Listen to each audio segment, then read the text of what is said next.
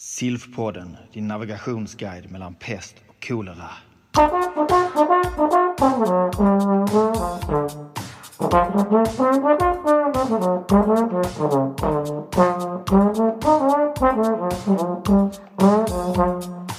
Så, då så är det dags för eh, Infektionsläkarföreningens podd, SILF-podden. Och dagens datum är eh, 20 oktober. Och jag som pratar heter Johan Tam och jag är infektionsläkare i Malmö. Och tillsammans med mig idag så har jag eh, Christer Mele från Umeå. Och du är eh, expert på bland annat neurokirurgiska postoperativa infektioner. Mm. Och sedan så har vi också eh, Magnus Brink eh, från Göteborg. Vad är du specialintresserad av bland annat? Ja, när det gäller CNS-infektioner så är det ju först och främst samhällsförvärvad bakteriell meningit som jag har ägnat mig åt. Yes, och eh, då tänkte jag att vi skulle börja med dig Christer. Och om vi ska prata lite grann om neurokirurgiska infektioner. Vad skulle du vilja säga att vi gör rätt och vad gör vi fel? Eh, vilken svår fråga. eh, rätt eller fel? Ja, det, är, det är en jättesvår fråga att ge dig ett bra svar på tycker jag.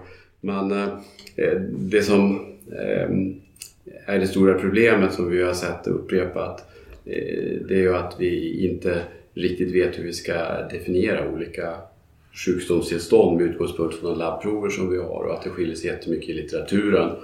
Eh, där vi har letat och försökt att hitta stöd för eh, det som vi tänker oss att man ska använda i Sverige som definition för olika typer av eh, eh, framförallt då meningiter, EVD, meningiter, EVD, ventrikulit och, och, och sjuntinfektion. Ja, och eh, om vi nu tänker oss att vi befinner oss uppe i Umeå på eh, neurokirurgen eh, som jag tänker att du eh, springer till nästan varje dag och eh, kollar om de har några infektioner där. Så finns det lite olika sorters av eh, eh, postoperativa eh, neurokirurgiska infektioner. Hur skulle du vilja kategorisera de här olika infektionerna? Eh, ja, det är ju om man säger så tre olika huvudtyper som vi egentligen ser och det är ju, eh, det är ju sånt, sånt som har att göra med eh, lokala infektionsproblem eh, i operationsområdet och där, där själva lampon som patienterna har fått tillbakalagd efter kirurgin att man ser någon typ av problem där och det är inte så ovanligt. Och eh, eh, sedan så ser vi på neurointensivvårdade patienter att man, man eh, funderar ganska mycket fram och åter. Har de en infektion eller har de inte? Utgångspunkt från eh, de eh, laboratorieanalyser man gör på ett standardiserat regelbundet sätt. Ja, och hur vanligt är det med de här postoperativa infektionerna egentligen då? Eh, jag skulle vilja säga att DVD-infektioner är jätteovanligt Mm. faktiskt. Mm. I- Åtminstone det hos oss tycker jag det. Och när jag pratar med Martin Limåker på KS så det är inte så vanligt. Är det några speciella bakterier som utmärker sig? Ehm, ja, alltså hur tänker du då? Menar du vilka? Nej men postoperativt, om det är några speciella eh, bakterier som man ska tänka in eh, rent eh, empiriskt. Så Ja, alltså, det, det, man, det man ser hos de här patienterna, det som man är mest rädd för det är ju att det skulle vara någon av de lite mer elakartade högvirulenta bakterierna. För det är ju en mer allvarlig situation, typ Staphylococcus Mm. eller gramnegativer. Mm. Eh, Men sen det som är lite mer eh, kanske vanligt förekommande, det är liksom att ta ställning till om man har, har glasnegativa stafylokocker eller Cutibacterium acnes exempelvis som ju både kan vara infektion eller kontamination eller kolonisation. Mm. Och det som jag tycker har känts som en liten nyhet för mig i alla fall det är ju att eh, eh, Linnesolid har eh, hyllats unisont eh, bland eh, ni som har skrivit vårprogrammet här. Eh, och att, eh, vad är det som gör att Linnesolid är så himla bra på neurokirurgiska infektioner tycker du? Eh, om man säger så, det, är, det man i långa tider har använt sig av i neurokirurgiska infektioner är vancomycin i kombination med eh, andra eh, preparat som tas in i CNS. Och, eh, Linezolid är ju ett grampositivt preparat i huvudsak kan man säga. Eller inte bara i huvudsak, det är det. Eh, och eh, eh, det som gör att vi tycker att det är så pass bra det är att man det tar sig väldigt lätt över blod-hjärnbarriären. Man Mm. kommer snabbt upp i ganska höga koncentrationer. Man kommer snabbt upp i en steady state nivå inom två till max tre dygn. Mm. Eh, och istället för om man då jämför med vancomycin som ju kan ta flera dagar innan man har en steady state nivå i blodet och då har man dessutom en molekyl som ska ta sig över blod-hjärnbarriären och innan man då har en steady state nivå där då har man ännu längre tid. Ja, och om nu hela Sverige ska börja använda linezolid på eh, eh, många olika patientfall här så är det några speciella interaktioner vi ska tänka på när vi ska börja använda det här? Ja, eh, alltså man säger så principiellt sett, eh, den kanske mest kända interaktionen det är ju interaktionen med SSRI-preparat. Ja, vad Eh. finns det för former det då? Exempelvis serotoninärkt syndrom. Eh, men om man nu tänker sig att man har en eh, neurointensivvårdspatient så har man oftast plockat bort SSRI-preparatet på dem när de ligger på intensivvårdsavdelningen så jag tror inte att det är något jätteproblem. Däremot så kan man ju tänka sig att man kan se en problematik med det hos patienter som behandlas polikliniskt, exempelvis med linezolid. Ja just och hur var det, behövde man ge det intravenöst eller det går lika bra per oss eller? Det är, om man säger så, det är ganska jämförbart med, med kinoloner. Alltså att det tas upp jättebra från mag-tarmkanalen. Och, eh, det är ungefär, det är samma dos så att säga som man ger peroralt som man ger intravenöst. 600 mg gånger 2. Och sen nämnde du att kalciumblockare och protonpumpshämmare kan höja Ja. eh, koncentrationen där. Ja, det, det är något som man måste vara medveten om. Ja, och då barbiturater och rifampicin eh, och Ja. Levaxin skulle kunna... Ja, det påverkar också så att säga, om man, om man säger så, linezolid påverkas av eh, rifampicin när man ger linezolid peroralt. Så att ger man linezolid peroralt och eh, patienten får rifampicin då får man en påverkan på upptaget via mag-tarmkanalen. Men däremot om man ger linezolid intravenöst så har det ju absolut ingen effekt. Eh, Alltså det blir inte Det blir inte alls någon eh, nej, eh, interaktion alls. Och Så sen nämnde du någonting som jag, var en nyhet för mig i alla fall att eh, om man nu skickar hem en patient med en infektion och de ska börja eh, leva som vanligt så fanns det en risk för interaktioner även med mat. Ja, lin- linezolid har ju en... I, I och med att det påverkar SSRI-systemet eller att det har en serotoninpåverkande effekt så innebär det att väldigt många maträtter som exempelvis choklad som innehåller sådana här tyraminer, franska ostar, vin, öl. Öl också. Ja. Ja, det, det var inte bra. Och, och eh, det här med micken för stafylokocker eh, om man kombinerar med rifampicin, hur ser du på det? Den, eh, det, det är en fördel att, att ge eh, rifampicin och linezolid samtidigt eftersom man, man har sett att man, man har en eh, effekt på mikvärde för stafylokocker som, som sänks ganska påtagligt. Mm. Lite Eh. olika i olika studier hur pass mycket men, men man har en påtaglig synergieffekt. Sen pratar du om EVD-associerade infektioner också. Vad står EVD nu för? Externt ventrikeldrän eller externt ventrikeldränage. Och vad är de tydligaste symptomen som man har initialt om man eh, skulle få en sån här infektion? Eller är det tydliga symptom? Alltså det, ju, det här handlar ju om neurointensivvårdade patienter eller sådana som ligger på en intensivvårdsavdelning och det är väldigt diffust med symptomatologin eftersom de är så pass sjuka i övrigt.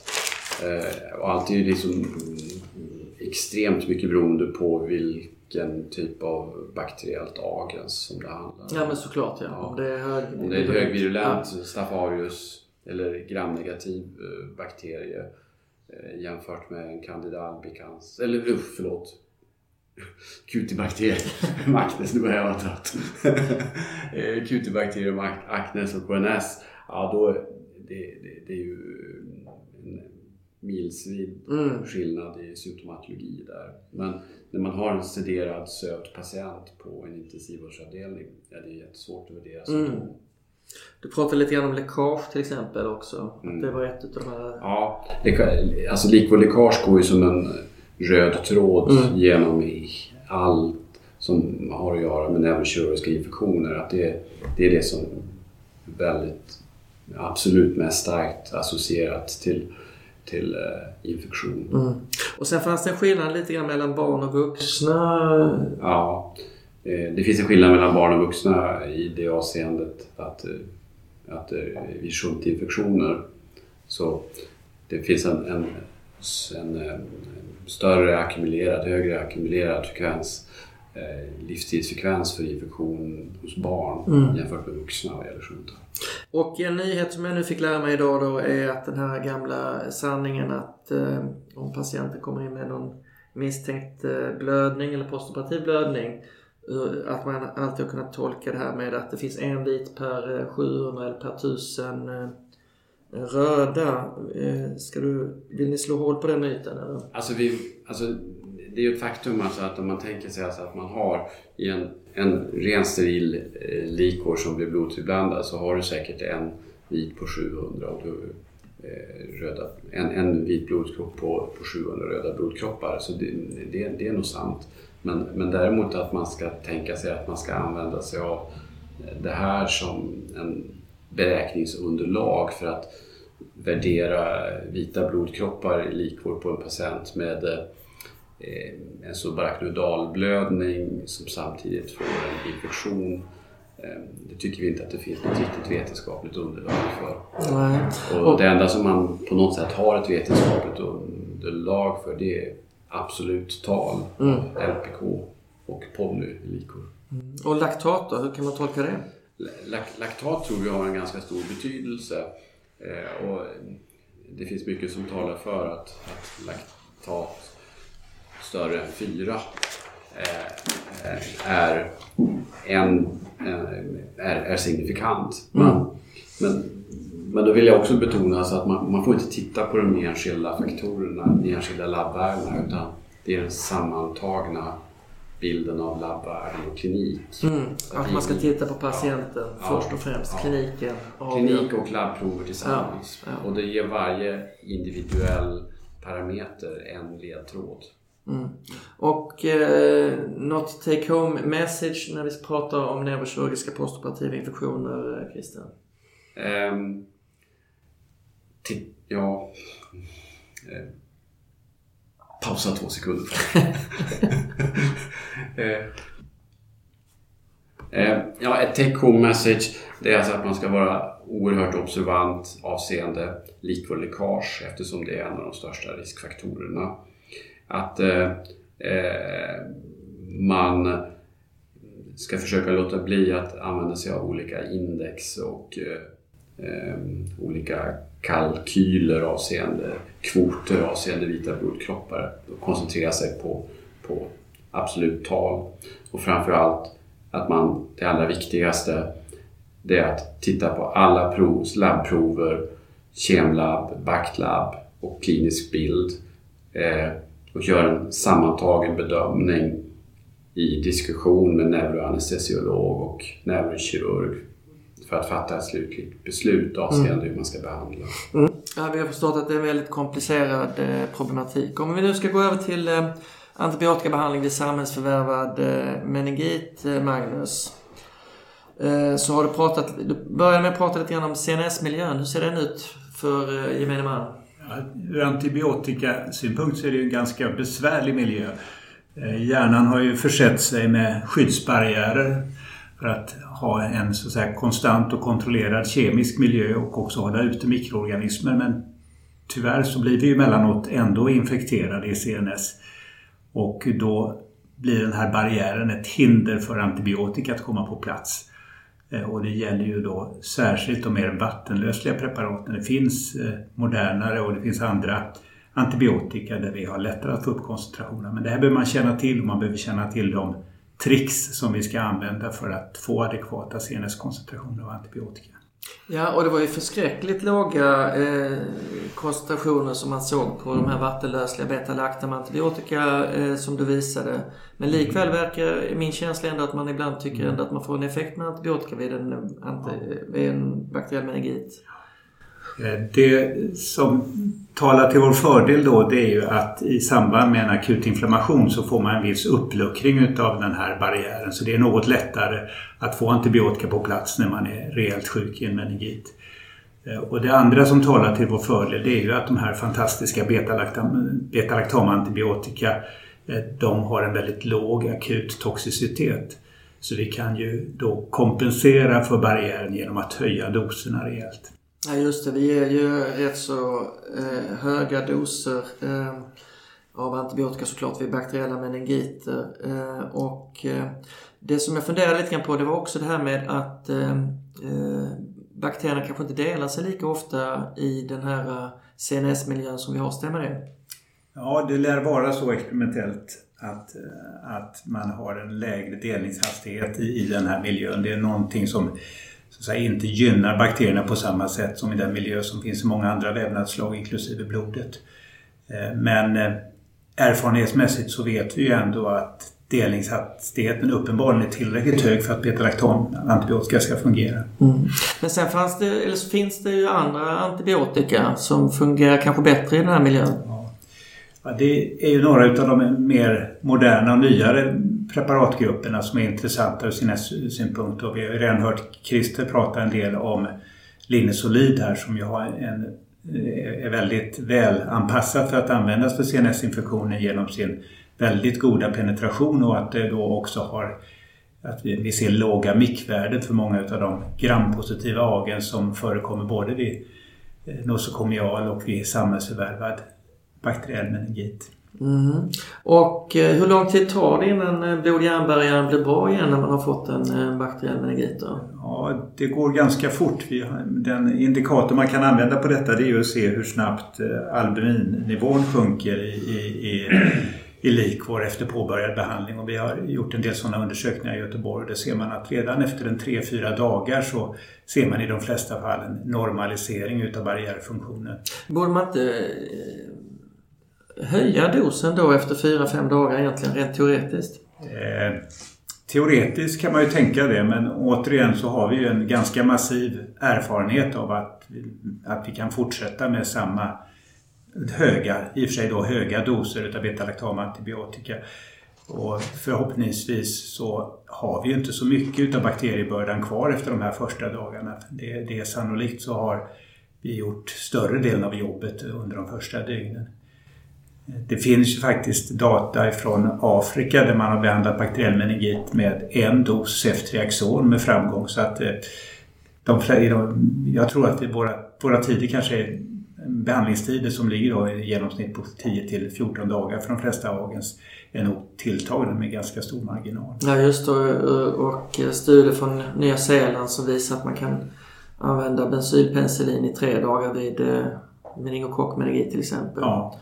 Eh, och eh, vad är det som utmärker de nya rekommendationerna som har kommit ut i somras? Ja, man kan säga i sina grunddrag och huvudsakligen så är de ju likartade. Den empiriska behandlingen, där har vi ju följt den svenska traditionen att rekommendera antingen kombination utav cefotaxim och eh, ampicillin eller, mono, eller då eh, meropenem i i monoterapi. Så där, där finns ju inga, inga skillnader. Däremot när vi går in på lite mera specialsituationer och vid vissa agens så har vi som sagt då lyft fram linnesolid och eh, Moxifloxacin eller Kinoloner generellt. Och det gäller till exempel vid listeriameningit där vi numera rekommenderar en kombination utav ampicillin och Moxifloxacin. Moxifloxacin är inte så att säga prövat i, i några kontrollerade kliniska studier men vi har ju en god erfarenhet utav det i många andra sammanhang och det mm. finns data som visar att det har väldigt god listeria-effekt i in vitro. Mm. Och eftersom vi vet att Listeria är en problematisk bakterie där vi ofta har sämre behandlingsutfall jämfört med andra agens så tyckte vi att här är definitivt ett, ett område där vi skulle kunna göra nytta genom mm. att modifiera behandlingen. Tillfälle för förbättringar. Mm. Och eh, Staphylococcus är en positiv odling då? Ja, där har vi lite samma problem att vi har en, en bakterie som ofta ställer till det och där vi har sämre behandlingsresultat med, med konventionell behandling än vad vi har för flera andra agens. Så det vi har rekommenderat tidigare det är ju eh, cefuroxim eller cefotaxim. Men vi vet att eh, det, vi har inte jättebra mick för, för Staphylococcus. Och sen har vi ju då återigen linezolid som ett trumfkort här som vi tror mm. på. Vi vet ju ifrån neurokirurgiska infektioner och det finns också en hel del publicerat på MRSA där man så att säga varit tvingad att leta sig bortanför betalaktamantibiotika och funnit att linezolid har en väldigt bra effekt. Och eh, vi har resonerat kring detta och kommit fram till att vi tror att linezolid absolut är en bra kompletterande behandling vid eh, stafylokockinfektioner i CNS även när det rör sig om då känsliga stammar. Och när ska vi använda Meronem? Eller ja, förlåt, det är många som använder Meronem empiriskt redan ju. Men finns ja. det några speciella situationer för övrigt där du tycker att vi ska använda Meronem i, vid en empirisk terapi så att säga? Eh, jag kan, om jag ska uttala mig från Göteborgshorisonten så är det faktiskt det vi rekommenderar i Göteborg och i okay. Västsverige som förstahandsval. Så det är det vi tillämpar. Eh, och eh, det är inte för att vi tror att det är bättre än kombinationen utav cefotaxin och ampicillin. Och vi inte bara tror utan vi tror oss veta att det är likvärdiga terapier. Vi har undersökt detta i en, en jämförande studie som utgick ifrån svenska meningitregistret och där ser vi att de här kombinationerna är, är likvärdiga. Mm. Men det vi har fastnat för i Göteborg det är ju att vi vill ha en enkel rekommendation som är lätt för underläkarna i frontlinjen att komma ihåg och göra rätt. Va? Då tror vi att Meronem har en fördel. Vi vill ju såklart göra det lite svårare för underläkarna i frontlinjen så att i Skåne så ger vi ampicillin plus eh, cefotaxin fortfarande. Eh, och sen så tänker vi oss mer och mer på de som kanske är lite immunsupprimerade så att vi undviker att eh, ge för mycket karbapenem. Men det är kanske inte just här på de svårast sjuka patienterna som man måste eh, spara på carbapenemen. Men, eh, och överkänslighetssituationen då. Vi ger ju mm, tonvis med kortison på de här patienterna. Är det farligt att ge beta antibiotika även om det är lite allergi och anamnesen? Det är som vid de flesta allvarliga infektioner att man måste ju värdera den information om allergi som, eh, som finns då. Va? Och rör det sig om eh, anamnes eller uppgifter om, om lindrigare allergiska tillstånd eh, så tycker vi ju inte att man ska undvika betalaktamantibiotika. Man kan då möjligen bedöma om man ska välja, välja ett annat, en annan undergrupp utav eh, utav eh, betalaktamantibiotika om man har haft eh, lindrigare överkänslighetsreaktioner. Däremot om det rör sig om anafylaktiska reaktioner eller mukokutana syndrom då, då tycker vi att då, då, är det så pass allvarligt att man bör välja andra preparatalternativ. Om patienten har en allergi då eh, och som vi ändå tycker är relevant, vilken ja. typ av antibiotika ska vi behandla med då? Ja, då väljer vi en kombination, nämligen de här två nya preparaten moxifloxacin tillsammans med linezolid. Eh, då är vi övertygade om att vi har en väldigt god täckning för de flesta eventualiteter och att vi får en bra effekt i CNS. Mm. Och sen pratar vi lite kort om också det här med postspinal huvudvärk och den här eh, väldigt väl dokumenterade risken med de här eh, vassa nålarna eh, som vi på något sätt har blundat för kanske inom infektionsläkarsfären. Mm. I alla fall vi som är gamla. Eh, får man en, en sån här traumatisk nål själv i handen här så vet man knappt vad man ska göra med den. Men hur ska vi komma runt detta? Eller vad tycker du vi ska använda för nålar på en patient som kommer in med en bakteriell meningit? Respektive med en kanske mer diagnostisk mm. eh, borrelia-infektion. Jag tycker så här att i elektiva sammanhang när det gäller borrelia-diagnostik eller när det gäller lumbalpunktioner som genomförs för forskning, vilket är ganska vanligt förekommande i infektionsvärlden. Eh, då tycker jag att saken är glasklar. Då ska man använda de här traumatiska nålarna. Av det enkla skälet att man halverar risken för att patienten ska drabbas av obehag och lidande efteråt i form av eh, postural huvudvärk.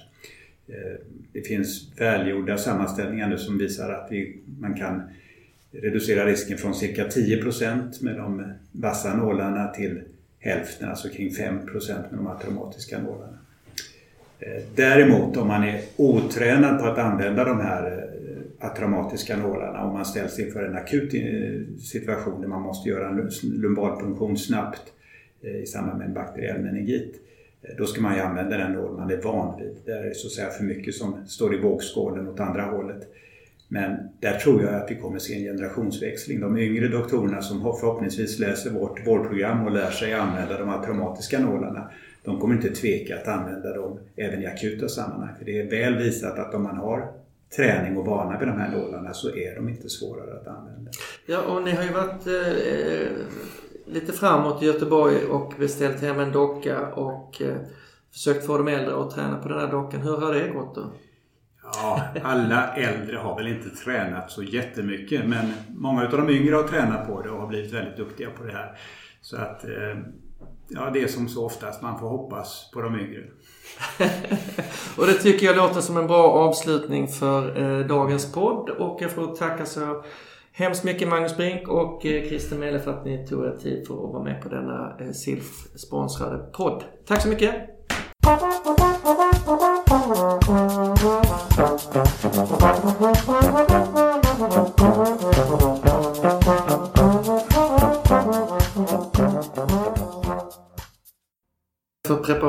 Preparatalternativ som man ska använda nu i, i, för tiden? Jo, då tycker vi att man kan använda Moxifloxacin. Mm. Eh, och då också kombinera det eh, Ta en paus där. Vad fan är det vi kombinerar med? Vad är det står nu? Linnesolid. Ja, men det är ju linnesolid. Det är klart ja. det. Ska vi ta om det? och om man nu... om patienten har en... Eh, problemet är väl att vi kanske inte riktigt vet hur vi ska, hur vi ska eh, se på Eh, de labbprover som vi, som vi ser hos patienterna. Nej, det här blir jättebra. Kör på! Fortsätt, jag kan klippa sen. Epic fails. Nej, men... och sen när äntligen mikrofonen börjar fungera, då har våra hjärnor helt fucked up alltså. Shit, jag är också helt slut alltså. Ja. Ja. Och så ja. helt förvånad alla de här lamporna från ingenstans som inte har funkat liksom. Ja, ja, ja. ja vad, vad, om vi men jag, jag klipper bort det. Jag, jag, jag vad, vad, vad vi gör rätt